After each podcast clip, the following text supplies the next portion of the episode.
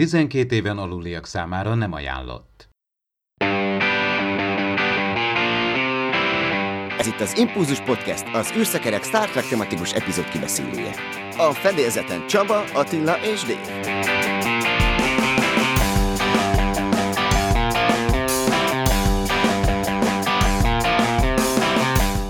Szervusztok, kedves hallgatók! 117. adásunkat hallhatjátok, teljes létszámmal, teljes alaplegénységgel, a szakértői gárda részeként. Itt van Attila és Dév. Szervusztok, srácok! Sziasztok! Sziasztok! Én pedig Csaba vagyok. Hát babérjainkra tör Robert Duncan McNeil és Gerett Wang, akik Star Trek tematikus podcastet fognak csinálni, méghozzá Voyager epizód kibeszélőket fognak majd létrehozni. Egészen az első résztől kezdődően az összes epizódon végig szeretnének menni. Ez valamikor május elején fog majd indulni. Hát kíváncsian várjuk, hogy mi lesz ebből. Én már most a negyedik évadnál tartok, és erősen vakarom a fejemet, hogy elkezdjem előről a sorozatot, és akkor haladjak velük. Az biztos, hogy az első részt majd meg fogom nézni, és ahhoz majd meghallgatom a, a podcastnek a premierjét, és megnézzük, hogy milyen, ez kijelenthető, azt nem tudom, hogy itt hosszú távon fogom-e követni, minden esetre ez egy szép módja annak, hogy a 25. évfordulót azt így napirenden tartsuk, annál is inkább, mert a rendezvények tekintetében ugye hát elég rossz a helyzet, már a San Diego Comic is lemondták, tehát abból se lesz semmi, pedig ott szoktak a nagy Star Trek bejelentések, meg a nagy trailer özönök bekövetkezni. Hát ez idén sajnos nem lesz, de kíváncsian várom ezt a podcastet. Ti mit szóltok ehhez? Én is kíváncsi lennék, mert az biztos, hogy nem fogják megállni poénok nélkül, hogy biztos, hogy beszólnak valami történt, hogy mi történt a forgatásán, és akkor mindegyiknek eszébe jut valami, és akkor ott tényleg nagy nagy nevetésekkel fog, lesz ez tarkítva, mert hát azért ők benne voltak, és valószínűleg azért emlékeznek is rá, hogy mik történtek. Szerintem ez egy jó ötlet. Azok, akik benne voltak, azok szinte azt mondom, hogy szinte felidézik saját magukat, hogy szerintem érdekes lesz nekik is egyébként visszanézni, hogy magát a készfelvételt, mert ők hát tudjuk, hogy azért a jeleneteket nem sorba veszik fel, hanem tényleg azt lehet mondani szinte össze-vissza, ahogy az helyszín engedi, tehát tényleg egy jó kezdeményezés, hát remélem végig tudnak menni az, az, egész, az egész sorozaton, ami azért egy jó pár száz rész lesz. Hát főleg, amikor Robert Duncan McNeil a Threshold című epizódot fogja majd kommentálni, az, az izgalmas lesz. Persze ez nem kommentár elnézést, ez csak egy kibeszélő podcast. Kommentára is kíváncsi lennék, hogy uh, tudjátok, hogy leülnek, és akkor végigmondják, hogy a, a, a pélóforgatási érdekességeket Ugye az, a Parallaxis Podcast legújabb adásában az Apollo 13 című filmről beszélgettek Csaba, te és Vince Miklós és Ádám, és ott ugye tudjuk, hogy egy olyan Blu-ray kiadás van, hogy a Jim Lavelle, aki ugye a Apollo 13 hát tényleges parancsnoka volt, ő kommentálja ugye a róla készült filmben a, magát az egész filmet, és elismerése, hogy milyen élethűre sikerült a film. Hát itt is tök érdekes, hogy maguk a színészek fognak kibeszélni, azért szerintem elég ritka, hogy a színészek ülnek le és, és nézik újra, mert újra kell néznünk a részeket, és hát lehet, hogy ez talán, lehet, hogy elősegíti majd, hogy esetleg Gerett Wang azt mondja, hogy hát gyerekek, ez tűrhetetlen az SD minőség, legyenek szívesek a CBS és a Paramount, vagy a, aki most felelős, az megcsinálni már ezt a 1080p-s felbontást csak ha jól tudom, te, te is mintha próbálkoztál volna, hogy azzal a szoftverrel nekiálljál felskálázni? Hát igen, megkerestem azt a... Hány másodperc van kész? Azt a szoftvert, 20 másodpercet sikerült 720p-be konvertálnom, hmm, olyan két és fél óra alatt. Elkezdtem egy egész epizódot megcsinálni, és azt írta ki a gépem, hogy 560 óra lesz, amíg ez elkészül, úgyhogy azt így leállítottam. Hát igen, vannak ennek az upscale-nek ilyen hátulütői, szerintem ez még nem egy fenntartható dolog, de gondolom, ahogy növekednek majd a számítási teljesítmények, úgy ez nagyobb teret fog kapni az ilyen mesterséges intelligencia, meg tanuló algoritmus által. Meg a kvantum ö... számítógépek azt mondják, hogy ott egy csapásra megszűnnek az ilyet, például, hogy, hogy jelszavak, mert gyakorlatilag egy kvantum számítógép pillanatok alatt végez ilyen brute force algoritmussal, tehát teljesen megváltozhat a számítástechnik, és akár néhány éven belül már, már most vannak ígéretes ilyen prototípusok, tehát teljesen más alapra helyezi a, a számítástechnikát magát, hogy a, amit eddig klasszikus módon ö, értelmeztünk. Na, ennek a podcastnek egyébként The Delta Flyers lesz a címe, és hát szeretettel várjuk, kár egyébként, hogy szinkronizáltan nem fogjuk ezt megtapasztalni, de természetesen ezt mindig örömmel vesszük, amikor a színészek ilyenbe vágják a fejszéjüket. Én azt hiszem, hogy a Gerett Wengnek, mintha már lett volna podcastje, vagy valahol, mintha műsorvezető lett volna, de természetesen ez mindenképpen érdekes lesz, és nyomon fogjuk követni. Hát Attila, ha már a hülyülést említette itt az előbb, akkor történt egy olyan, képzeljétek el, hogy rajongók beágyazták a TNG, az új nemzedék cselekményébe a bakikat és a kulisszák mögött zajló ilyen embertelen állapotokat, így teljesen, minthogyha ilyen fluid módon az epizódba ezek bekövetkeznének. Ezt berakjuk majd a, a show notes-ba, és ott rá lehet kattintani, és meg lehet nézni ezeket a jeleneteket.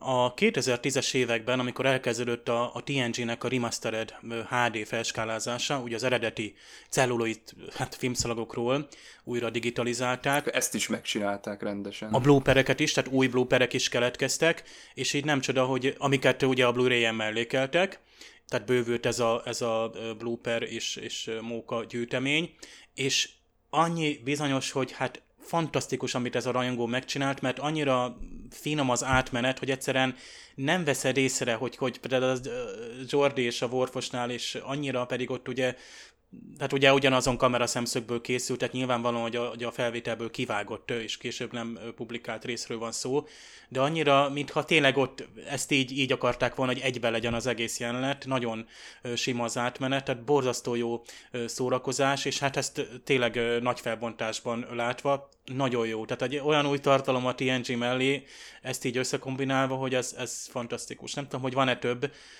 Track Movie szokott ilyeneket gyűjtögetni, hogy ebből egy egész csokor lesz. Nyilván nem könnyű ezt megcsinálni, hogy ennyire pontosan illeszteni, mert azért csak oda kellett figyelni, hogy utólag ez, ez így és tényleg egy rajongó jut eszébe, tehát itt van az, hogy a rajongók gazdagítják tényleg a, a, a Star Trek-et így végignézni, tehát nagyon-nagyon jó szórakozás. Igen, most is a Track Movie tette ki azt hiszem azt a négy-öt elkészített verziót, ami már van, itt gondolom az a nehéz, hogy sok olyan baki van, ahol az utómunka nincs megcsinálva. Tehát például egy olyan helyiségben vannak, ahol csillagok lennének a háttérbe, de csak egy, egy green screen van ott. És gondolom azt nem nagyon lehet így használni, mert nem lesz élethű, hogyha a jelenetbe beágyazzuk. Elképzelhetőnek tartom, hogy ez a rajongó már kimazsolázta azokat a jeleneteket, ahol ez eleve megvalósítható, de ha van még, akkor természetesen szívesen látnánk és hát itt a héten a Rosario Dawson is feltűnt a címlapokon, méghozzá azzal, hogy ha a Star Warsban is, és a Star Trekben is sikerülne neki szerepelnie, akkor ő már le is tenni a lantot, azonnal visszavonulna, hiszen mindent elért, amit már az élet adhat. Ha jól tudom, akkor a Star Wars már összejött Dave Mibe is, lesz ő a, a Mandalorianba, lesz egy Jedi? Így van, a, a Mandaloriannak a, a más, sőt már ő ki is van írva, hogy a második évadnak a, a gyakorlatilag a, az első epizódjában már ő, ő fel is van tüntetve, mint Asuka Tanó, ami ugye nyilván, hogy súlyos maszk alatt, hiszen egy, egy idegen fajról van szó, tehát nem, nem annyira emberszerű, és hát gyakorlatilag egy élő szereplős kiadása lesz a Asukának, aki ugye a Clone Wars-ban is feltűnik meg a,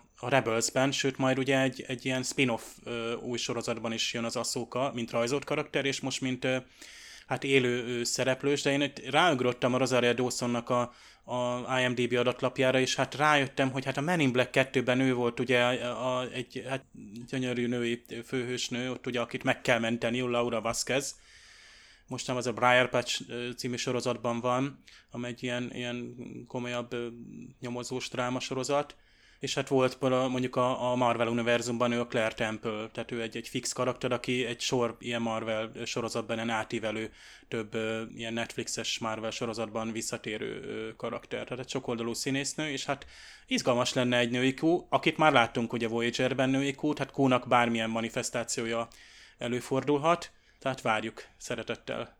Ezekben az új sorozatokban egyébként el tudtok képzelni egy kút? Beleillene, vagy egy kicsit azért át kéne alakítani ezekhez az új cselekményekhez, illetve megközelítésekhez? Hát nem tudom, mert most tényleg ez annyira új, új megoldásokat hoztak be, hogy egyelőre most azt mondom, hogy bármilyen ötlet belefér mert most teljesen ilyen formabontó dolgok jöttek be. Hát eleve a TNG az, az, az Q-val kezdődött, és Q-nak tényleg a, a, a, az ábrázolása tényleg egy kicsit, ugye akárhogy vesszük, egy, egy meseszerű, mesebeli lénynek is ö, tűnik, de ugyanakkor egy, aztán később ugye, tehát John Delancey-nak hála azért tényleg egy szofisztikált, jól kidolgozott ö, karakter, akit, akit nagyon szerettek a nézők. Egy, egy, egy másik kúszerű lény, tehát ilyen, ilyen lényekkel tele van a galaxis. Hát most csak gondoljunk a mai, majd kibeszélendő TOSZ epizódra. Nyilván, hogy másfajta attribútumokkal kéne felruházni, tehát tényleg, de hát a Q is egyre inkább fejlődött, egyre inkább a, a kapitány vagy kapitányokkal való úgymond személyes konfliktus meg kihívás került a középpontba, tehát folyamatosan fejlődött az, akit ábrázoltak. Tehát ugye az egy csettintésre valami varázslat vagy meglepetés, az, azok ugye ezek ilyen, nem tudom, ilyen gegek voltak, vagy ilyen slipstick volt néha, tehát a kúnak ezek a különböző poénjai, hogy most hirtelen eltűnik valami, hirtelen diszkó van a gépházban, stb. Tehát ezt lehetett játszani, és nem szabad túlzásba vinni. Az a néhány föllépés az pont elég volt, másképp kezelte ugye a Cisco, másképp a Janeway.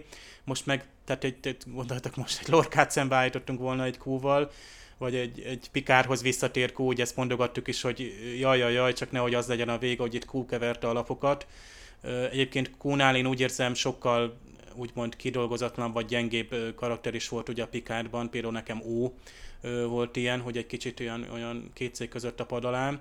Tehát ilyen módon, ha Q-t behoznak úgy, hogy jó ki van dolgozva a karaktere, tehát most egy női Q az nyilván egy másik személyiség lesz, a Rosario Dawson féle, akkor akár még mindkét sorozatban is megjelenhet nyilván téren és időn kívül, a, akár a Discovery-ben is ott lehet. Hát a járványhelyzet alatt sem kell a mozi premiereket hanyagolnunk, sőt, még Star Trek filmet is nézhetünk, hiszen online vetítést szervez a Paramount a Kán haragja számára, méghozzá a CYA Live platformon lehet ezt követni, betesszük a linket szintén, jegyet lehet rá váltani, és meg lehet nézni. Ahogy én néztem a műsort, nem csak a filmből áll, hanem lesznek különböző extrák, meg mint a kerekasztal is lenne ott, úgyhogy akinek kedve van, gondolom természetesen külföldiül tudni kell érteni, mondjuk angolul, és úgy lehet ezt az egészet élvezni, de aki úgy gondolja, hogy egy kis otthoni mozizásra vágyik, az kattintson a linkre. Ez igazából élőben zajlik, tehát gyakorlatilag egy Google Chrome-mal vagy bármilyen böngészővel lehet bekapcsolódni, úgy, ha előfizettél, és ez tök jó, mert gondolom biztos lesz valami kommentár lehetőség, tehát a világról egy csomó fan együtt néz egy mozifilmet, azért ez egy, ugye igazi moziban nem lehetne ezt megoldani, vagy hát nyilván, hogy ott korlátozott, hogy valamennyien nézik, bár voltak ilyen élő közvetítések, nem tudom, hogy emlékeztek-e, hogy például ilyen londoni, meg New Yorki, tehát ilyen opera közvetítések, és azt hiszem Uránia filmszínházban, műholdas, meg internetes módon, tehát gyakorlatilag azonos időben, tehát élőben közvetítették, kivetítették a nézőknek, és nagy felbontásban. És ott is volt egy ilyen közösségi élmény, hogy nem vagy ott a helyszínen, de igazából mégiscsak együtt nézed, az egész mozinak ez a, a lényege. Hát itt, itt, itt ugye lesz ilyen Q&A session is, tehát lesznek kérdez, kérdez fel, hogy a sztárokkal, nem tudom, hogy kik itt a sztárok igazából, tehát hogy itt, itt színészek is ö, részt vesznek ezen? Tehát ott lesznek a... Zavarba hozol a nevekkel, mert nem tudom megmondani, mintha ilyen színészek, meg készítők, meg ilyen nagyobb arcok nem lennének ott. Hát ilyen Mark altman láttam, és se név, se, se arcról nem ismerős. Igen. Tehát, hogy kik lesznek élőben jelen. Gondolom ilyen nagy fanok, tehát ilyen hardcore fanok, akik valami ilyen szuper hát, userek. Igen, ilyen... igen. Vagy ilyen podcast műsorvezetőket tudok elképzelni esetleg, tehát ilyesmi, ilyesmire lehet számítani. Hasonlót kell elképzelni, mint nekünk a kapcsolatfelvétel napján, csak itt, itt mozinézés is van. No tessék, hát például a, hát most ez a sajnos elmaradó, például uh, San Diego Comic Con, akár ez is lehetne, hogy valamilyen formában így megvalósuljon. Most a Galaxikon ugye volt, ami szintén ilyen élőadásban volt április 13-án, és ott azt hiszem ott, ott Frakes meg Marina Sirtis is azt hiszem ott voltak, tehát úgymond ilyen streames kon vensőn volt. Tehát most ugye ezek egy, ez teljesen új formátum, és akár egy kont is el lehet képzelni, de még például a, a Gerett Wang meg a Rabbi Duncan McNeil féle podcast is milyen jó lenne, ha azt mondanák, hogy mit tudom én, május 1-én este 8-kor, nem tudom, hát keleti partidő szerint elkezdjük a Voyager-t nézni, és akkor élő, hát nem biztos, hogy stream, gondolom jogi okok miatt, de mindenki, hát fizessen elő, vagy nem tudom, nézze meg, és akkor együtt kikommentálni, vagy csetelni közben. Ennek az egésznek az lenne a lényege, hogy a fanok együtt vegyenek részt, és akkor válik ilyen eseményé. Mert az, hogy te az otthon egyedül megnézel egy Voyager epizódot, az is nagy élmény, csak az együttnézés az mindig jobb. Aki a Galaxiconnal kapcsolatos Star Trek információkra kíváncsi, az látogasson el az űrszekerek blogra, mert volt egy cikkünk Jonathan Frakesről, és ott be is ágyaztam azt a videót, amiben vele készült az interjú. Valóban Marina Sörtis valamiért nem tudott ott becsatlakozni, pedig ő is meg volt hirdetve, de a lényeg, hogy Jonathan Frakes-et ott meg lehet nézni, illetve pár dolgot ki is emeltem az interjúból, ez pedig cikk formájában el lehet olvasni. Az Impulzus Podcast pillanatokon belül folytatódik. De előbb csatold be az öveket és lépj be hozzánk a Parallaxisba. Van egy ilyen jelenet például, amikor uh, Bill Paxton, ugye Fred Hayes, a Holdcom pilótát játszott színész, például az egyik jelenetben láthatóan éppen üríti a gyomrának a tartalmát egy zacskóba a száján keresztül, és uh, hát az egy valós jelenet, tehát hogy konkrétan a színész az rosszul lett a forgatáskor, és minden, amit ott látunk szétlebegni, az mind-mind valós.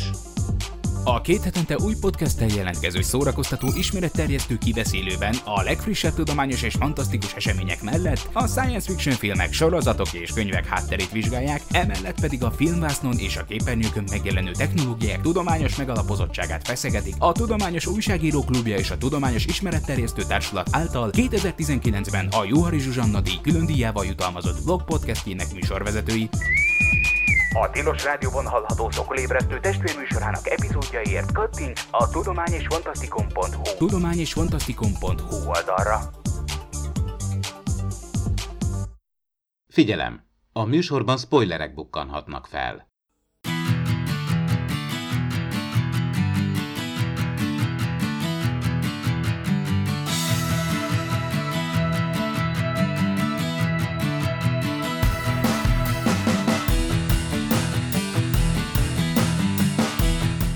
Gondolatainak erejével vagy energiájával veszi föl a kapcsolatot Körk kapitánnyal Szárgon. Látjátok, nem volt érdemes kinevetni azokat a televíziós gyógyítókat, akik a képernyőn keresztül küldték a pénzenergiát, mert lesz még ebbe valami, a jövőben majd meglátjátok. Hát így indul a cselekménye a Return to Tomorrow, a Visszatérés a holnapba című epizódnak, és erről fogunk ma beszélgetni. Beszélgető társaim továbbra is Attila és Dév, itt a mikrofonok mögött, én pedig Csaba vagyok. Hát ezt a történetet eredetileg John T. Dugan alkotta, és ahogy azt megszokhattuk itt az eredeti sorozatban, rengeteg-rengeteg átdolgozáson kellett ennek átesnie, mire a képernyőre került a végleges verzió. Dugennek ezzel többségében nem is volt semmi problémája, egy dolog miatt tört ki itt a botrány, mégpedig amiatt, hogy Gene Roddenberry átírta a végét a forgatókönyvnek, ami eredetileg úgy lett volna, hogy Sargon és Talassa test nélkül lebegő entitásként búcsúztak volna itt a történet végén, tovább élt volna nekik a, a lelkük valamilyen módon. Ez Gene Roddenberry ugye úgy változtatta meg, ahogy mi már látjuk a, az epizódban, tehát ők valójában a feledésnek a homályába vésznek, és ez a Dugan, ő egy elég hithű katolikus volt, és hát innentől kezdve ez már egy világnézeti konfliktus, ő emiatt nem is tudott azonosulni tovább ezzel az egésszel, felvette írói álnevét, ami John Kingsbridge, tehát ti már ezt olvashatjátok a stáblistában, amikor nézitek az epizódot, megint csak az lett a vége ennek a történetnek, hogy nem váltak el szépen Roddenberry és a történetnek az írója. Egyébként tök jó, szerintem ez a megközelítés az epizódban, hogy gyakorlatilag három nagyon-nagyon erős karaktert látunk, akihez nem tartozik arc, nincs színész hozzá, és mégis olyan jól átjönnek ezek a szinte már ilyen arhetipikus lények, ugye itt van Szárgon, aki egyfajta ilyen igazságos és nem enged a, a test csábításának, itt van Hinoch, aki pedig nagyon is, és ő, ő manipulál, és, és a háttérben mérgezi az elméjét Talasszának, és Talassa ez a billegő, bizonytalan kapocs itt az egészben. Nekem ez, ez nagyon-nagyon tetszik ez a alapkoncepció, pedig voltak a történet elején fenntartásaim. Egyrészt nem tudtam, hogy ez az epizód már miről szól, Return to Tomorrow. Én azt hittem, hogy ez a Tomorrow is Yesterday-nek lesz majd a folytatása, de valószínűleg összekeverem a Gary Seven-ös epizóddal, ami majd a második évad végén fog bekövetkezni. Másrészt meg annyira sablonosan indult ez, a, ez az epizód, hogy megint jön a semmiből egy hang, megint egy isten, na mondom, azt gondoltam, hogy megint egy, egy olyan nagyhatalmú lény, aki gyerekként viselkedik, és majd játszadozni fog itt a, itt a legénységgel, de, de nagyon pozitívan csalódtam, hogy ez végül nem történt meg, és nem következett be. Megint visszamentünk tulajdonképpen a múltba, hogy rá kell jönnünk, hogy azért a, nem mi homo sapiens vagyunk úgymond az evolúció csúcsa, hanem tényleg régen is voltak civilizációk, amelyek feljutottak olyan magas szintű fejlettségre, sőt még tovább is, mint mi, és sőt itt, ahogy majd Szárgon mondja, hogy lehet, hogy mi tulajdonképpen az ő népének valamilyen leszámozottjai vagyunk, ami akár el is képzelhető lenne, és tudjuk, hogy azért a Neandervölgyi és a Krómagnóni ember hirtelen váltott a évezredekkel ezelőtt, hogy hirtelen a neandervölgyek eltűntek, és megjelentek a kromagnónik. Tehát akár lehet, hogy mi is egy ilyen szargon népének egy ilyen kolóniái vagyunk. Bár vannak most már olyan kutatások, hogy állítólag a két homo sapiens, vagy a kromagnón és a neandervölgy is kerevedhetett. Tehát tulajdonképpen, amit itt ebbe leírnak, hogy tulajdonképpen mi tulajdonképpen gyermekei vagyunk szárgonnak, ez akár meg is történhetett. És tényleg az ilyen régi szupercivilizációk vagy tényleg eltűnnek, vagy annyira továbbfejlődnek, hogy már úgymond nem foglalkoznak velünk. De úgy tűnik, hogy azért ezek a civilizációk tényleg nagyon hasonlottattak hozzánk, hogy ugyanúgy megvannak a idézőjelbe téve emberi gyengeségei is. Hát pont néhány hete beszélgettünk Szélesi Sándorral és Markovics Botondal az Írózabálók podcastben, hogy hát a, a régi Star Trekben nem nagyon van ott ez a transhumán vagy poszthumán létforma ábrázolva, mert a 60-as évben még ez nem volt annyira téma a science fiction irodalomban, és hát erre egy csettintése itt van ez az epizód, és Csaba, én hozzád hasonlóan ugyanezt éreztem, hogy nem jutott eszembe a címről, nekem is a Gary Szemen jutott valahogy eszembe, ugyanígy, hogy, hogy miről szól ez az epizód, nem nagyon emlékeztem. Pedig ez, ez, ez, ez voltak éppen markáns epizód, és annyira alap science fiction, tényleg ez a 600 ezer éves uh, szupercivilizáció, és akkor, hogy hogyan fejlődött tovább, bár most így 50 év elteltével azért kicsit újra értelmezzük, hogyha egy civilizáció ennyire fejlett lett, akkor miért akar megint testet? Vagy úgymond egy primitívebb mondjuk android vagy robot testet? De ugyanakkor alap sci felvetés ez, hogy, hogy valami túlfejlődött, túlhaladott önmagán az evolúcióján, mi is majd ide fogunk eljutni, és ugyebár itt még Körk legyint is, hogy ugye már a nukleáris korszakot mi már túlvészeltük, mi jöhet még. Hát kubai rakétas válságon vagyunk még csak túl. Ugye 67-ben vagyunk, ugye most a forgatáson, még hátra van nézni a 80-as évek, azért még folyik a hidegháború, meg ugye a nukleáris konfliktus lehetősége, tehát azért itt még kör könnyen legyint, vagy az írók által. Könnyen mondja, hogy a nukleáris korszak nem is annyira veszélyes, és tényleg eddig eljutni, hogy Istennek hisszük magunkat, tehát amikor már az ember a saját evolúciót irányítja, ugye ez lenne a poszthumán korszak egyébként, tehát ezzel olyan alaptémákat vett föl az epizód, és itt mondom, hogy annyira fantasztikus, hogy ezt már a Star Trek akkor megírta és megmondta. Tehát amikor most mondjuk, hogy utat keres a Star Trek, hogy a, a Discovery és meg a Picard próbál ugye hát régi új témákat így feldolgozni, és néha jól, néha rosszul, akkor azt mondjuk, hogy hát itt már 50 éve már olyan, olyan dolgok voltak itt említve, hogy, hogy ezek, ezek ma egy mozifilmbe beleférnének nagy mozifilmekbe is, nagy sci filmekbe, vagy rengeteg ilyen sorozat van mostanság, itt volt például a Travelers sorozat. Ott mondjuk a jövőből jönnek vissza és vesznek át úgymond testeket a galaxis őrzői másik részében is valami ilyesmi van, hogy az ego, aki már ilyen szuperfejlett, ilyen isteni lény, az, az bolygóról bolygóra utazik. Tehát valami Szargan is valami ilyesmit akart elhinteni, utalni, hogy talán a páspermi elméletre, hogy mindenki az ő gyermekei. Nekem még a Host című film jutott eszembe, az a Saoirse Ronan van a főszerepben. Ott is ilyen, hát testmegszállók vannak, de ott érdekes, ott is ilyen kapcsolat vagy párbeszéd alakul ki a test, tehát a host, ugye a burok, a szorsoronán, és a őt megszálló lény között, tehát két személynek kommunikációit is nagyon érdekes volt ez, ez a kommunikáció, és emiatt nagyon előre mutató, hogy a Star Trek ezt így mutatja be, Tehát ez, ez nem csak egyszerűen ilyen testmegszállós, ilyen ö, szimpla ilyen sci horror epizód, itt nagyon is, meg nem beszél, hogy robotokat készítenek, humanoid robotokat. És annak is gyakorlatilag látjuk úgy, úgy a folyamatát, tehát szuper jó az epizód. Én is pont ezen gondolkodtam, Dave, hogy amikor bemutatnak nekünk egy olyan fajt, aki a természetes evolúció részeként felemelkedik és energia lesz, azok általában nem szoktak visszavágyni a testbe. És itt most megvan ez fordítva. Valószínűleg ez azért van, mert ez a három egyén, ez bizony nem önszántából mondjuk emelkedett így föl, vagy nem önszántából vált meg a, a testétől. Szerintem csak át akartak vészelni egy, egy időszakot, de nagyon jól meg van valósítva, tehát ez a, ez a nosztalgia, hogy újra érezni, újra látni, újra tapasztalni, úgy, ahogy régen, ez, ez pár nagyon jól elhelyezett mondattal iszonyatosan jól átjön a, a történetbe. És ha már itt szóba hoztátok a földi történelemmel, illetve hát mondavilággal történő kapcsolatot, akkor Stan Robertson, az NBC-nek az akkori programigazgatója azért végrehajtott egy pár változtatást ezzel kapcsolatban.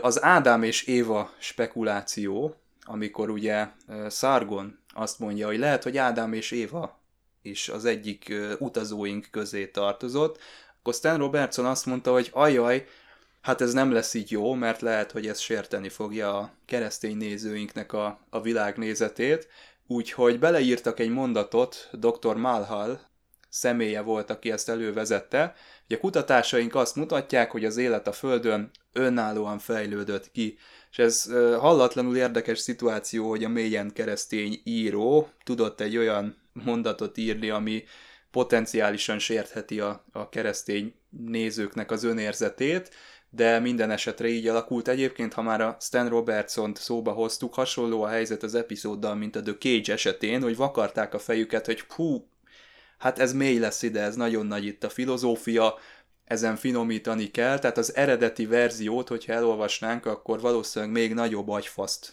találnánk benne, mint amivel itt találkozunk. És ha már a Dr. Malhalt említettem, akkor ugye Diane Muldar van itt, és hát azt kell mondjam, hogy hát wow.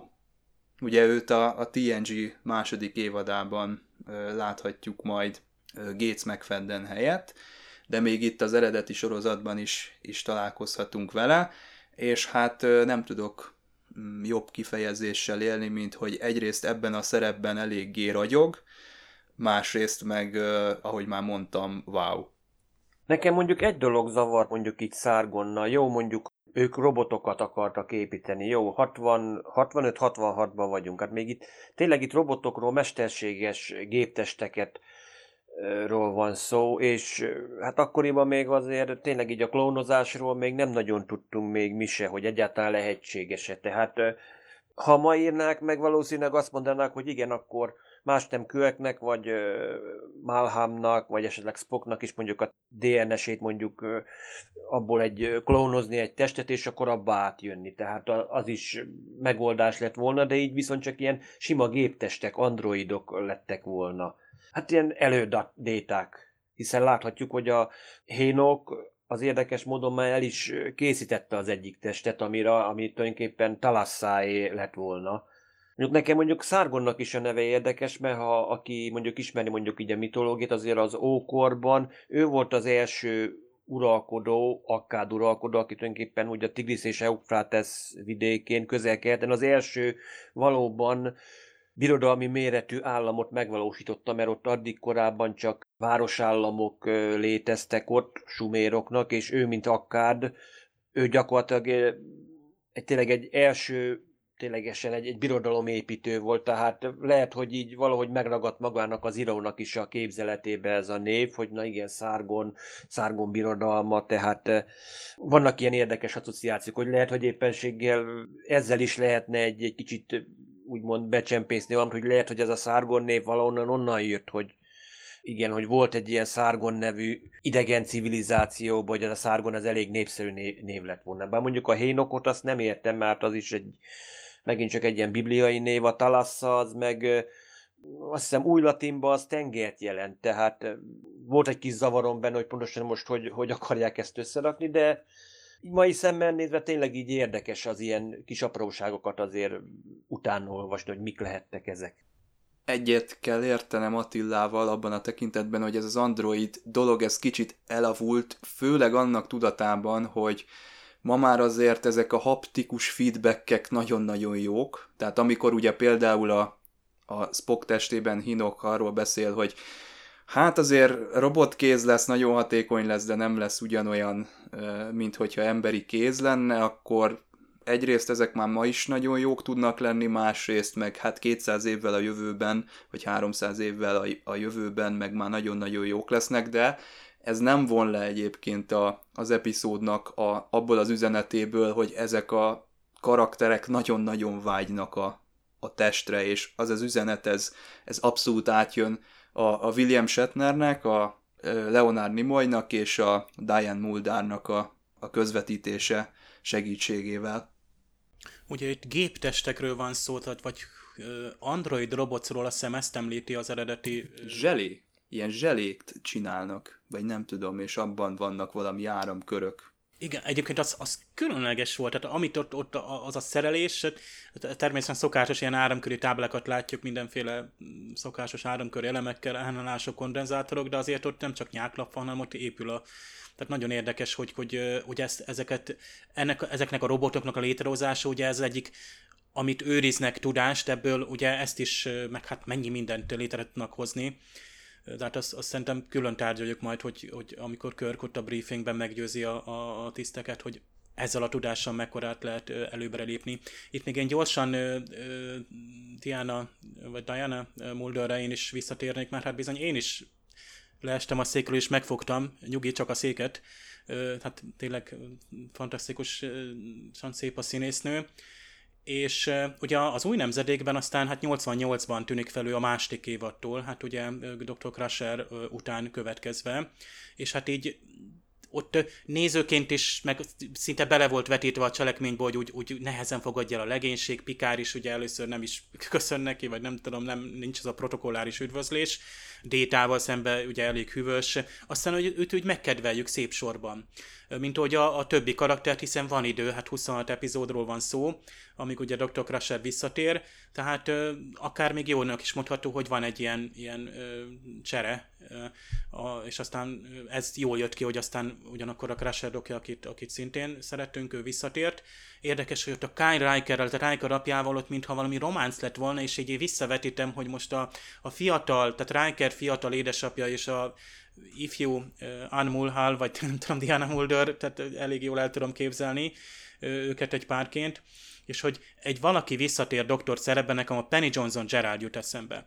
Annyit ugye azért jegyezzünk meg, anélkül, hogy most azért most itt, itt, itt, itt egyrészt most Star Trek történelmről beszélünk, tehát nem azért mondom itt ezeket az korokat, hanem hogy a Diana Mulder ugye éppen 50 éves volt, amikor ő a, a doktornő szerepébe lépett, és azért ott azért vegyük észre, hogy, hogy akkor ez teljesen normális volt, hogy 50 éves egy fő karakter. Tehát nem az, hogy 20 évesekkel rakunk meg egy új sorozatot.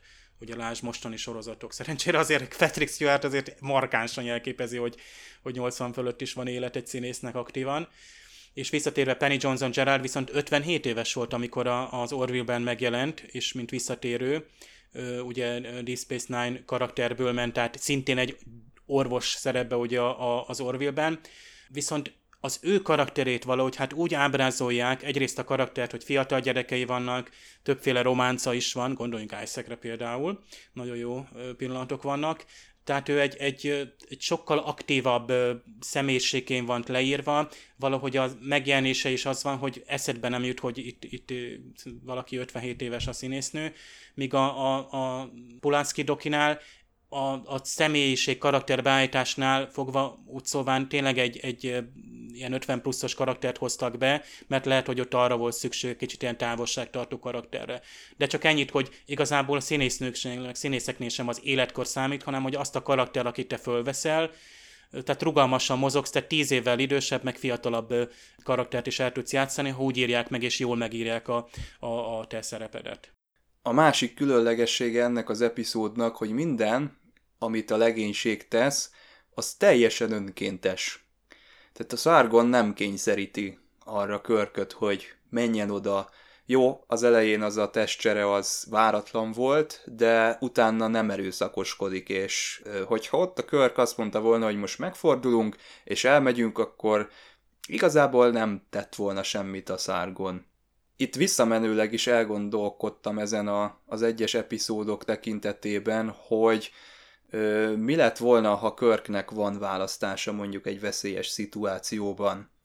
Visszafordul, és azt mondja, hogy hát, nagy a kockázat, nem megyünk oda, nem fedezzük föl, nem nézzük meg, hogy, hogy mi van ott, és erre maga Körk ad választ ebben az epizódban, hiszen van neki itt egy euforikus beszéde, Risk is our business, ez a csúcspontja, talán az epizódnak is, és az ő monológiának is, a veszély, ami lételemünk.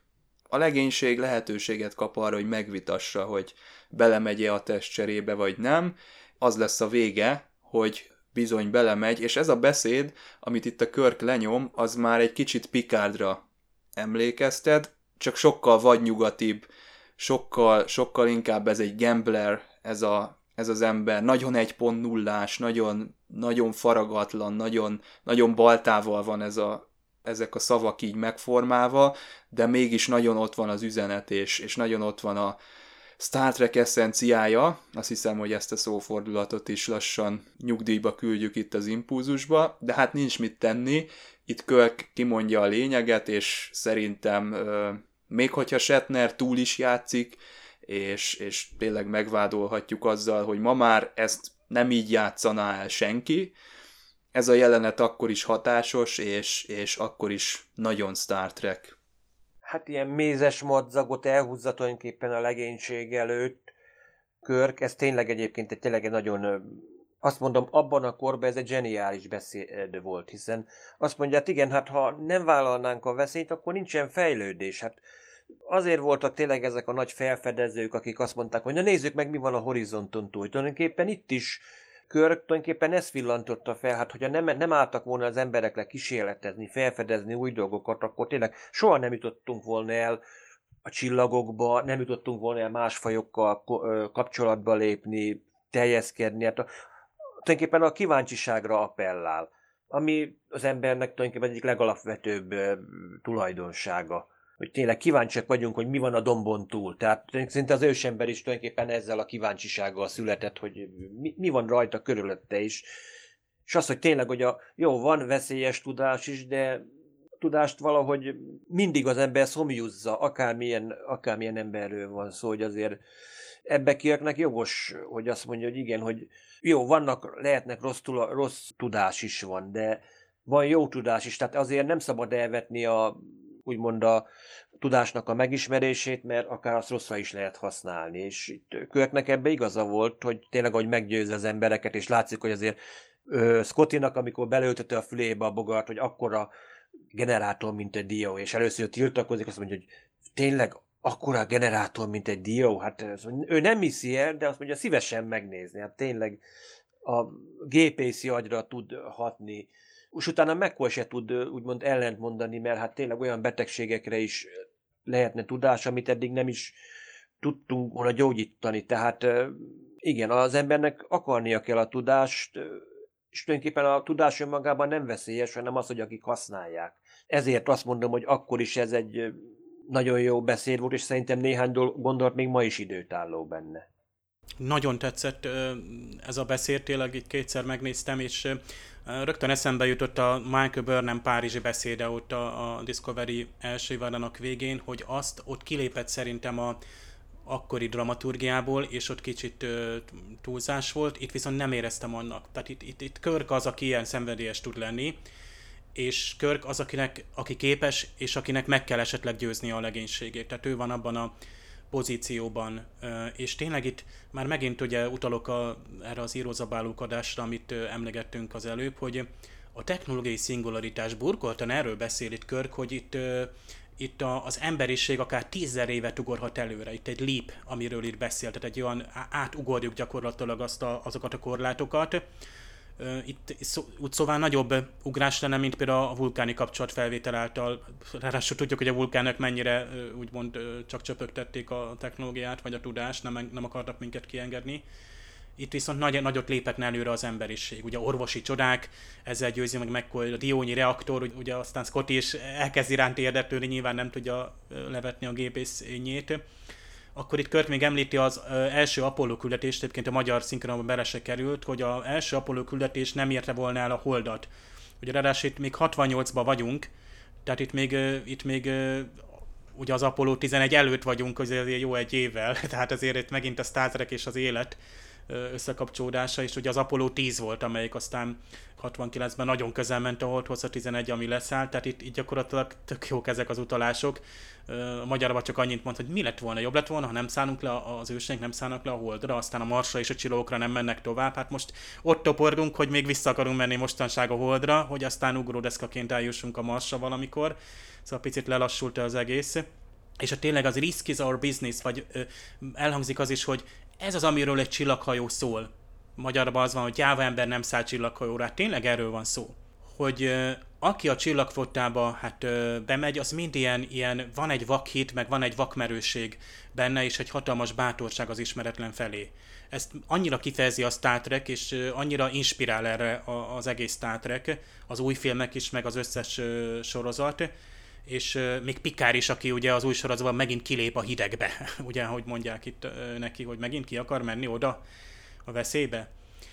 Ez a fajta filozófia, ugye, hogy az egész csillagfot erről szól, ez igazából, ezt föl lehetne írni, ugye, hogy az jöjjön, akinek, akiben megvan ez a potenciál, hogy képes erre. És most megint utalok még gyorsan arra, hogy beszélgetett nálunk dr. Vince Miklós, a Parallaxis podcastből, és dr. Werner Norbert, aki a Szokolói Bresznek az állandó tudós résztvevője. Ők ketten beszélgettek a, a múltkori kapcsolatfelvétel napi műsor folyamunkban, hogy hát az űr felfedezése hát manapság már egyre inkább technikai támogatással zajlik, szondák, de ilyen robotok, egyre inkább emberszabású robotok is részt vesznek, és nem lehet, hogy elég lesz ez, hogy majd csak robotok menjenek, és talán pont a Werner Norbert mondta, hogy az emberi tényező, hogy az ember az, aki ott szeretne lenni, hogy elsőként ugye lehuppanni a, a, a, annak az idegen bolygónak a, a felszínére.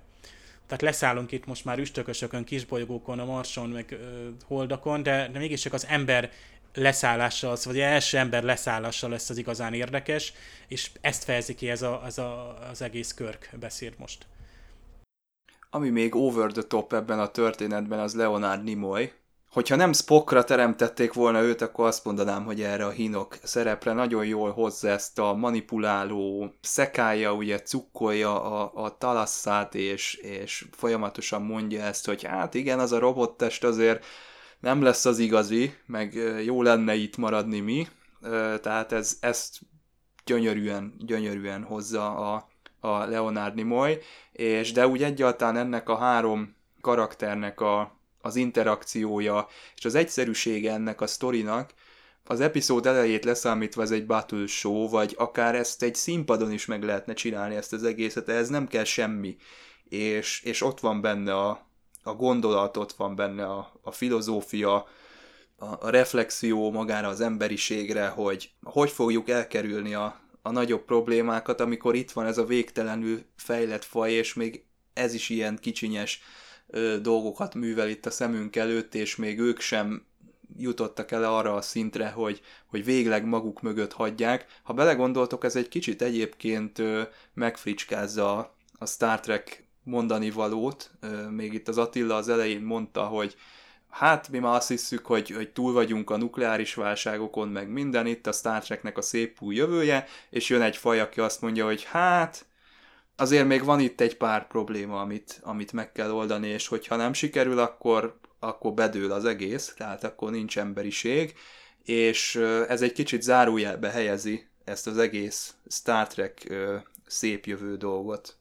Ténylegesen ez az atomháború, meg hogy tudjuk, hogy ne ugye kapcsolatfelvétel, harmadik világháború, ez csak egy első lépcsőfok, ahogy Spockot kell idéznem, hogy a logika a megértés kezdete, és nem a csúcsa. Tehát az atomháború volt az egyik első teszt, első próba.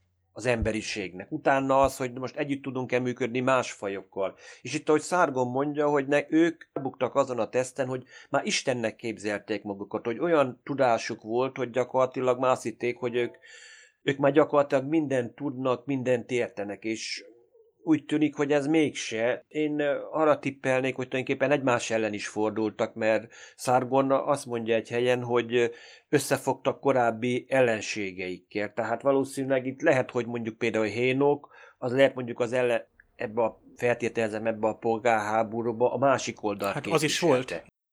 Én, én úgy ö, fogtam fel, vagy úgy értelmeztem, hogy azt hiszem a Henok az az ellensége is volt egyúttal a, a Sargonnak meg a Talasszának. Ugye ők egy ketter egy pár voltak, és hát ezért, egyébként ezért különleges tényleg a körk, és a, itt, itt, nem egy random ugye rendezvúzgatás van, hanem itt gyakorlatilag a, hogy a két másik személy, akik ősség óta nem voltak testben, de mégiscsak most testet tapasztalják meg egymás másik testben, ugye egyáltalán egy csókot mondjuk, ennek megint egy olyan plusz jelentése van, hogy ezt megint egy, egy mozifilmbe bele lehetne tenni. Tehát ezek, ezek a transzcendes gondolatok. És itt, itt vissza az, hogy tényleg egy ellenségeskedés háború volt, és ez még előttünk van, és hát azt hiszem megint dr. Vince Miklós, szerintem most nagyon fog csuklani ő szegény, de, de ő beszélt arról a tavalyi kapcsolatfelvétel napján élőben a volt 51-ben, hogy civilizációk, ugye ilyen Kardashev skála, ki mennyire fejlett, mit használ fel energiát, mennyire tud fejlődni, például egy rádiózó civilizáció, onnantól már észrevehető, Fermi paradoxon, miért nem látjuk az idegeneket, stb.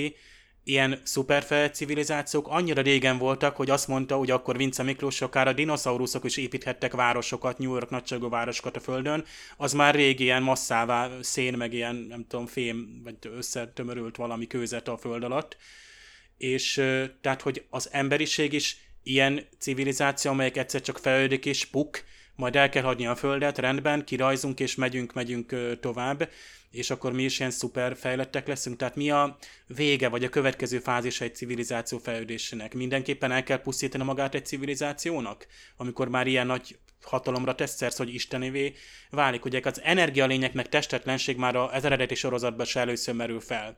Szinte már legyintünk, és én is ugye az elején, tehát tökre nem emlékeztem az epizódra. Az elején azt mondtam, hogy megint ilyen testízés, hogy ilyen energialényes epizód, hát ilyet már láttunk, de ilyet még nem. Tehát, hogy ilyen, például ez a, ez a fajta szimbiózis, párbeszéd, ez a tényleg itt, itt érzelmileg is tökre ért az eredeti sorozat, hogy fölépítse azt a drámát, hogy 600 évig nem voltak testben, most megint van, és megvan a kísértés, hogy abban maradjanak. Ez a robottest, ami már egyébként ott a, a talasszanak nem is annyira testik, tehát undorodik tőle, azt hiszem azt mondja. Tehát itt nagyon érdekes, hogy, hogy itt, itt miben érdemes maradni? Vissza az emberi testhez, vissza ahhoz a korszakhoz, és újra kezdeni? A, a civilizációt egy primitívebb korszakba újra kezdve, ugyanakkor egy tudással, felvétezve, meg a másik, mi lenne, ha ez, most ők átadják ezt a tudást nekünk. Lásd, Discovery, másik év van, jön ez a szféra. Hát ez egy szuper nagy tudás, abból lehet mint könyvtárból szemezgetni, de ott, ott veszélyes tudás is lehet, vagy amit ugye nem tudunk kezelni. Tehát ez a szuper tudás, ennek, ennek hatalmas fenyegetése van, és ez tök jó, ilyen rövid idő alatt tök jól el van mondva, hogy, hogy ez, ez mekkora kísértés mindkét oldalról. A készítők itt William Blackburnből csináltak androidot, vagyis hogy ezt a zselé gólemet, amit ott azt hiszem, hogy Sargon el is kezd mozgatni. Hát Billy Blackburnről ugye azt lehet tudni, hogy ő az az extra, nem is tudom magyarul ezt, hogy mondjuk beugró vagy statiszta, akit mindenütt lehet látni a, a Star Trekben, a hídon általában ott van, de, de a képernyő sarkában is nagyon-nagyon sokszor ki lehet szúrni, és neki van egy ilyen külön extrája a Blu-ray-eken, illetve a DVD-ken az eredeti sorozatnál ez a Billy Blackburn kincses ládája, ahol ilyen hát általa felvett footage is vannak, és, és róla szóló ö, ö, dolgok is nyilatkozik utólag, meg be van karikázva, hogy éppen melyik jelenetben hol lehet őt látni. Na hát őt öltöztették be. Nem volt ez egy kellemes dolog, mert ö, hát 12 órás forgatási nap volt, és ő gyakorlatilag ott volt étlen szomjan, szívószálon keresztül lehetett csak az ivást megoldani, úgyhogy hát szegény ezt az ügyet nagyon megsínylette.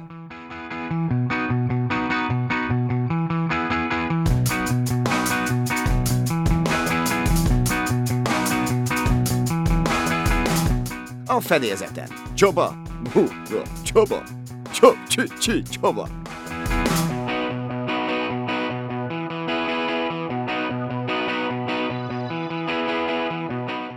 Rögtön kezdjük azzal, hogy még mielőtt én most újra néztem ezt epizódot, Csaba már hát internetek erejével közölte velem a hírt, hogy itt bizony Csúlya Imre lesz majd itt, itt William Shatner hangjaként, hát nem éppen megszokott hangpárosítás, és hát bizony Barmek Péter pedig Spock hangjaként. Most ez hogy is fordulatott elő, és miért is volt ez a döntés? Ugyanis ha megnézzük ugye az eredetit, ott ugye maradt, maradtak a hangok, bár ott azt hiszem tehát a Shatner adta a Sargont is, meg a Nimoy a Henokot, bár azt hiszem a, a James Doohan föl van tüntetve, mint Voice of Sargon. Itt most Csaba azért visszakérdezek, hogy akkor itt a, a Scotty volt ilyen elváltoztatott hang, amikor a Kirk testéből a Sargon beszélt? Igen, az a James Duhan volt. Jó, köszönöm. Akkor valószínűleg ez volt a magyar változatnak is a döntési alapja, ugyanis a német változatban is így oldották meg, hogy más hangokat kaptak ezek a szereplők, és hát tényleg ezt a másságot nagyszerűen kifejezte, hát főleg Spocktól van, volt ugye Spock idegen, ugye az a vulkáni, félvulkáni habitustól teljesen eltérő, ugye a Henok karaktere, ez, ez nagyszerűen ki volt ezekkel a hangokkal fejezve, meg hát azért Csója Imrét hallani, az, az mindig jó, nyilván Barbnek Péter is egy markáns hang, őt majd, hát most még ugye 96-97 van, de pár év múlva hát bizony a Voyager-ben lesz a holodoki állandó hangja, ahol szintén ö, nagyon szerettük. No, de hogy a, a szinkron, megint ugye dúskálni lehet az érdekességekben, nagyon jó Spock beszólás az, hogy not even a vulcan can know the unknown, mondja a Spock a kapitánynak még az elején, amikor ugye ez a vészhívás jön, a magyarban, hogy még egy vulkán is sem tudhat mindent. Aztán a későbbiekben, amikor lemennek a felszínre, ugye ott van egy kis hát, vita arról, hogy ki menjen, meg ki ne menjen, hát nyilván aztán a szargonék azok tesznek róla, hogy például a McCoy igen. Érdekesség, hogy ugye sokszor előfordul a Star Trekben az bizonyos con, C-O-N-N, amit nagyon sokszor én is komnak hallom, mondjuk kommunikáció, abszolút kommunikációs ezért tiszté vagy posztra teszik. Nem. A kon, az ige is, meg főnév is, az, hogy a hajó kormányzását irányító személy, tehát ő figyeli a hajó útját. A magyarban annyi, hogy magáé a hajó, ezt, ezt egyébként tök jó kifejezi a, a, a magyar. Nagyon érdekes, hogy az a Diana Mulder által alakított Anne Malhal, még az elején, még önmagaként, amikor ugye Szárgon itt elkezdi mondani, hogy hát ti vagytok a gyermekeink, meg ugye stb. Ádám és Éva, akkor azért ő azt mondja, hogy hát ne, azért a kutatásaink nem azt mutatják, hát mi ott tudjuk a földi életől nálunk alakult ki. Az angolban nagyon érdekes, hogy azt mondja a színésznő, hogy our beliefs and studies indicate, tehát a hitünk, vagy hitvallásunk és a tanulmányaink ezt mutatják. Olyan, mintha picit burkoltan arra hogy a hit, esetleg zsidó-keresztény hit körben ugye mégiscsak ugye az emberi élet, a földi élet, ugye a földön, ott létre is, is Istentől van. Nyilván, hogy ezt nem mondja ki a Star Trek sosem, de ebben a korban már azért összeegyeztethető volt a kettő, hogy egy, egy fejlődő világ, aminek volt esetleg egy ős kiindulópontja, amit nem tudunk, ami lehet Isten is, de ugyanakkor egy hit is támaszkodhat arra, hogy, hogy valami ősteremtő erő, de itt a Földön hozta létre. Tehát nem ilyen, mint a Voyager-ben volt a Distant Origin, hogy jöttek valami hüllők, és akkor hogy elmentek innen hüllők, és akkor onnan származik másért. Tehát pánspermia kizárva. A nagyon érdekes, hogy az angolban azt mondja, amikor a McCoy fézert fog a körkre, amikor már Sargon megszállja, az angolban azt mondja, a Spock ugye figyelmezteti, hogy it is still Jim's body. Nagyon érdekes, a Spock úgy beszél a körkről, hogy Jim. Ez még mindig Jim teste. A magyar meg azt mondja, ez a kapitány teste. Tök érdekes, hogy pont itt nem, nem adták ezt vissza. Az Apollo küldetés az angol eredetiben azt mondja Kirk, hogy uh, the first Apollo mission, ugye hadn't reached the moon, ugye tudjuk, hogy aztán inkább az a tízes lesz majd, az majd jövőben lesz még itt a forgatáshoz képest. Itt a magyar meg csak annyit mond, hogy jobb az őseink nem szállnak fel a holdra. Hát mondjuk, hogy felszállni a holdra, vagy nem is tudom, ugye ezek ilyen terminusok, ugye a rakétát is nem kilövik, hanem felbocsátják, hát lehet, hogy holdra inkább leszállunk, de hát innen nézve mondjuk felszállunk.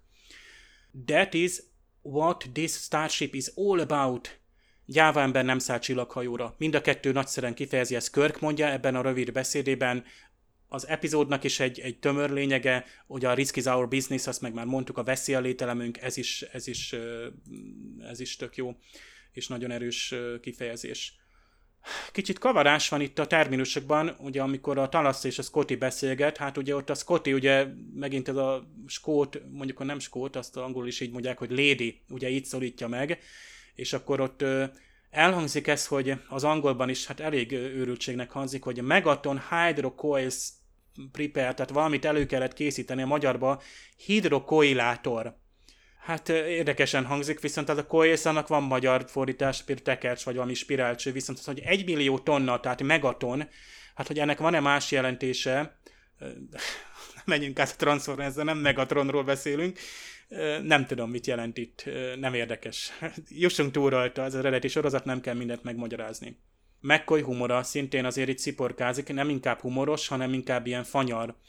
Amikor itt hát nagyon nagy kísértés van, ugye McCoynak a döntése, tehát itt, hogy az N ugye megtartaná a testét, pontosabban a Talassa megtartana az N Malholnak a testét, és ezt csak McCoy tudná, és csak ők ketten tudják, hogy az N az nem valódi. Nagyon erős erkölcsi döntés van, McCoy természetesen stabilan kiáll és visszautasítja. És azt mondja, hogy will not peddle with flesh, tehát hogy ő nem fog húzsal, hússal házalni, hogy nem árulok testeket, ugye ezt mondja, de óriási a, a kísértés. Aztán itt hát nem szinkronos, de két apróság a, a végére. Nekem, amikor ugye a Spock tudatának a lementése, hát ugye a Star Trek másik része, ugye a Kán haragja, amikor is meg, a, a Spock a világ leggyorsabb USB kapcsolatával gyakorlatilag a másodperc alatt átadja a katráját, letölti a McCoyba, aki aztán hordozza egy ideig, és furcsán viselkedik, és aztán visszatöltik, ugye második és harmadik Star Trek mozifilm, most néztem újra húsvétkor, nagyon jók ezek a mozik együtt, 2-3-4. Itt viszont ugye Chapel névérbe helyezi magát a Spock, hát ugye a Spock Chapel ugye nem csak fanfiction, hanem valóban ugye itt, itt tudjuk, hogy a Amok Time-tól kezdve egyik több utalás van itt ilyen románc-szerűség az Chapel részéről, és itt ugye a Spocknak ugye a hát végülis a tudata lett belé helyezve, egy ideig egy testben laktak, we shared consciousness together, tehát ugye ez a tudatosság vagy tudat volt ö, megosztva, az ami nagyon érdekes, hogy, hogy ugye ez is egy hatalmas science fiction téma, hogy egy, egy tudatot áthelyezni egy másik testbe, a két tudat, hogy a, ö, amikor el van nyomva egy tudat, egyébként a Star Trekbe visszatérő téma, hogy valaki ugye, e, mint elnyomott tudat esetleg figyeli azokat a lépéseket, de a testének nem az ura, ez, ez itt nagyon érdekes egyáltalán ugye ez, ez a, a, a felvetés. Ugye Katra természetesen nincs kimondva, még itt a Spock tudatáról van szó, de azért érezzük, hogy később talán támaszkodott ebből a másik mozifilm. Hát ha már a Baki parádé kanonizálásáról beszéltünk itt a hírblogban, azért itt a magyar verzióban el lehetne helyezni pár Easy Rider öcsémet, amikor a Szargon megszólal.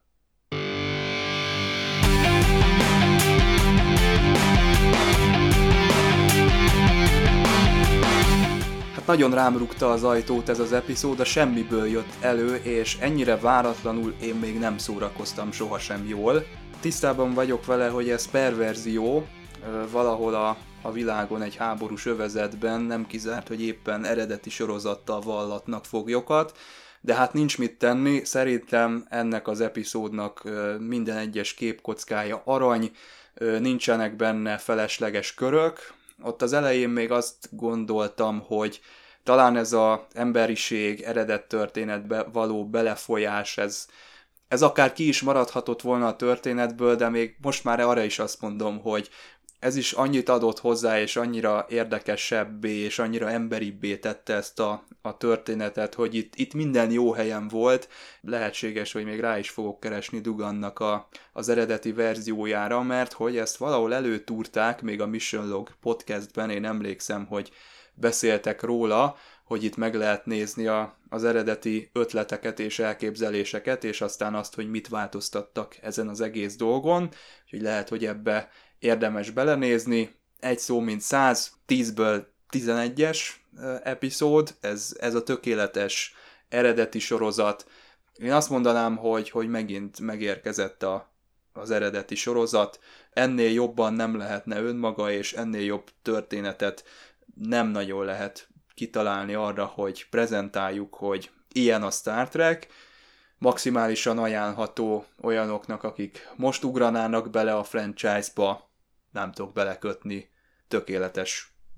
Azt kell mondjam, hogy nagyon sok ilyen érdekes mondani valót tudtam felfedezni az utóbbi néhány évben ebbe is, hogy tényleg itt újra kell tulajdonképpen értelmezni tulajdonképpen magát a Star Trek világát félig meddig. Ha mondjuk nem láttam mondjuk, mondjuk akár a Voyager-t vagy valamit, tényleg itt olyan szuper civilizációk voltak itt a múltban is, amelyek eltűntek, és egyszerűen nem tudták az árnyék, saját árnyékokat átugrani. És látjuk itt is szárgonék elbuktak egy teszten, úgymond teszt, hát azt mondom, hogy a tulajdonképpen, hogy tovább felügyenek, hogy a, úgymond az Isten komplexus sajnos nem tudták kezelni, és láthatjuk, hogy félmillió év után is, jó, esetleg mondjuk Szárgon tudta kezdeni, de hénok például nem, vagy akár a votoknál is, hogy egyszerűen ők is gyakorlatilag megtagadták tulajdonképpen magukat, a, magut, a múltjukat tagadták meg.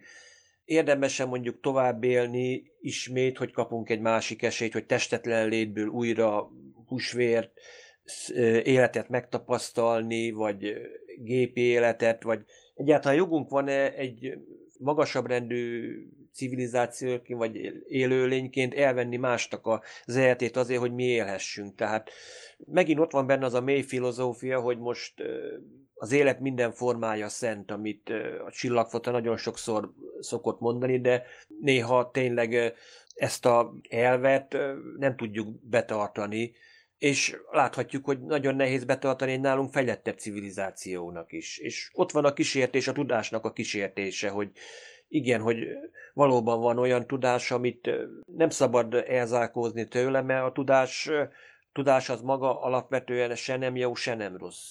Rajtunk múlik, hogy mit csinálunk. Tehát egy, egy olyan epizód, amiben én is azt mondom, hogy nem azért, mert akció, mert ebben szinte azt mondom, nincsen ténylegesen akció, nem robbantanak fel bolygókat, nem nincsenek benne nagy úgymond fizikai erőszak, vagy bármi, hanem tényleg itt ez megint egy olyan epizód, ami elsőre egyszerű, de valójában mélyen szántó gondolatokkal van. Én azt mondom a tízből, azt mondom kilencesre tudnám értékelni.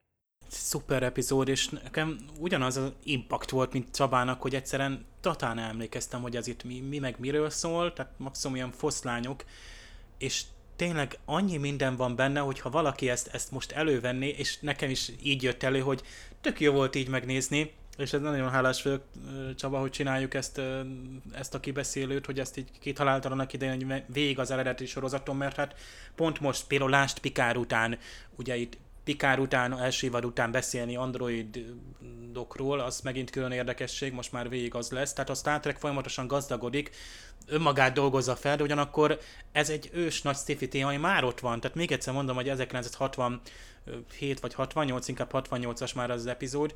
Tehát ez, ez fantasztikus, és nem tudom, tehát ez olyan, mint amikor, ugye nem tudom, láthatok-e néhány éve volt a Yesterday című film, röviden ugye arról szól, hogy van valami villámcsapás, science fiction, és akkor mindenki elfelejti a földbolygón, hogy a Beatles együttet létezett, viszont egy valakinek így megmarad a, a fejében, úgymond, és akkor elkezd, no, ebből mi lesz? Mit csinál, hogy ott van az összes nagy Beatles szám a fejében, és elkezdi őket közölni a, a emberekkel.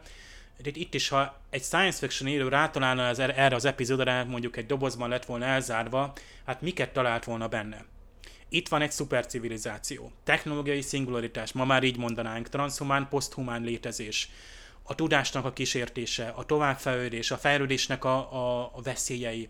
Itt van egy, egy románc, ami abszolút nem lóg ki az egészből. Tehát itt egy, egy, látjuk ezt a kettősséget benne, hogy mi van, ha egy személyiség már ilyen öreg és meghasonlott, azt hiszem erről beszélgettünk is, vagy ti a Csaba a Paralaxisban, hogy egy 600 éves ember, lásd Man from Earth, mondjuk az, az hogyan dolgozza fel, hogy ő már olyan idős? Egyáltalán az ember képes lenne ilyen hosszú időt feldolgozni? Lásd, akkor a, érthetjük, hogy van egy akár az erkölcsi romlottság, és ott van, mint ugye Henokban. Ott van egy krimiszál, ugye gondoljunk erre a hamis injekcióra, amit a Henok ad a Csepelnek. Az is egy, egy izgalmas szál, tehát aki, aki eddig elaludt volna az epizódban, az most elkezd izgulni, hogy ugye a Csepel ugye tudja, hogy ugye nem lenne szabad azt beadni, de ugyanakkor őt egy ilyen vulkáni mindmeld letiltották azt a emlékét. Hát ez is, ez is egy tök érdekes momentum, tehát tele van, egy, tele van olyan, olyan dolgok, amiket egy filmbe fel lehetne dolgozni, ugye ezt, ezt már lassan le lesz tiltva, tudom Csava, hogy dupla epizód kéne, meg nem tudom, filmet kéne csinálni belőle, nem baj, van egy tök jó epizód róla, ami nagyon nagy hatása volt így, így most szerintem mindannyiunkra, és tök jó, hogy itt most megnézve, tehát már annyi Star Trek, meg más science fiction után ennek még mindig akkora hatása van, és tök jó, hogy ilyen jó a, a Star Trek, hogy ez így egy, már akkor ö, így működött kozmikus kilátások. Nekem most eszembe jut, hogy nézem a Cosmos című sorozatot, Neil deGrasse Tyson ott kozmikus gondolatokkal sétálgat a legkülönbözőbb helyeken, a képzelt űrhajóján, meg különböző tengerpartokon, néha Moszkvában is. És ö, ott is, tehát az alatt a 45 perc alatt olyan sűrű tudás van átadva, meg olyan gondolatok, amik ahhoz, amihez le kell ülni, és még egyszer el kell nézni, el kell olvasni. Tehát mint egy nagy könyvet nyitnál ki. Tehát az epizód is ilyen, hogy, hogy ebből még lehetne csipegetni. Tehát most ez nagyon jól sikerült, és jól ö, eszenciálisan, jól tömören sűrítve ott van minden, teljesen helyén van, és, ö, de még ezt, ilyeneket, ilyen témákat még visszavárunk, és tudjuk, hogy van még, és lesz a Star Trekben és hát nem is beszélve, hogy hát micsoda hát epizód következik, ugye ha elfeltettük volna, bizony már a másik évad végén vagyunk, és hát a, a Patterns of Force következik bizony, ami egy, egy megint egy elég érdekes, és hát érdekes kihívásokkal operáló epizód. Ami felteszi a koronát a aktuális heti kibeszélőnkre, az Dr. Malhelnek a zavarodott nézése az epizód végén, nekem az, az abszolút bennem maradt és beleégett a, az arcomba. Ugye Sargon és Talassa utolsó jelenete. Itt talán beszéltem arról, hogy Dügen nem feltétlenül engedte volna ezeket a karaktereket a feledés homályába veszni. Hát nem szeretnék a, a, a vallásos és ateista tűzvonal közé keveredni, és nem is akarok ebben állást foglalni, dramaturgiailag szerintem Roddenberry jól tette, hogy ezek a karakterek búcsút tudtak mondani ennek a világnak, mert sokkal nagyobbat ütött és sokkal meghatóbb volt ez a jelenet, aztán a, a színésznőnek az arca is. Hát reméljük, hogy ez a ezerrel jövő Skoda, 120-as itt az utcánkban, nem zavarta meg ezt a meghitt pillanatot. Ha nem, akkor kövessetek minket a Facebookon és iratkozzatok föl. Soundcloudon is hallgathattok minket, illetve az Apple podcast rendszerében is, ráadásul még a Spotify-on is, és azt hiszem, hogy minden felsorolt platformon lehet kommentelni, YouTube-on is pláne, ott is megtalálhatók vagyunk. Hogyha egy kicsit elég volt az impulzusból, akkor hallgassatok Parallaxist, most elég sokat beszéltünk az Apollo programról, legújabb Parallaxis adásunkban az Apollo 13 című filmről van szó. Hát itt április 17-én volt annak az 50 éves évfordulója, hogy az Apollo 13 visszatért a Földre. Érdemes meghallgatni a beszélgetésünket. Tegyétek ezt, vagy gyertek vissza jövő héten és hallgassátok meg a aktuális Impulzus podcastet, amiben, ahogy már Dave mondta, a Patterns of Force lesz a téma. Találkozunk tehát jövő héten. Szervusztok! Sziasztok! Sziasztok! thank you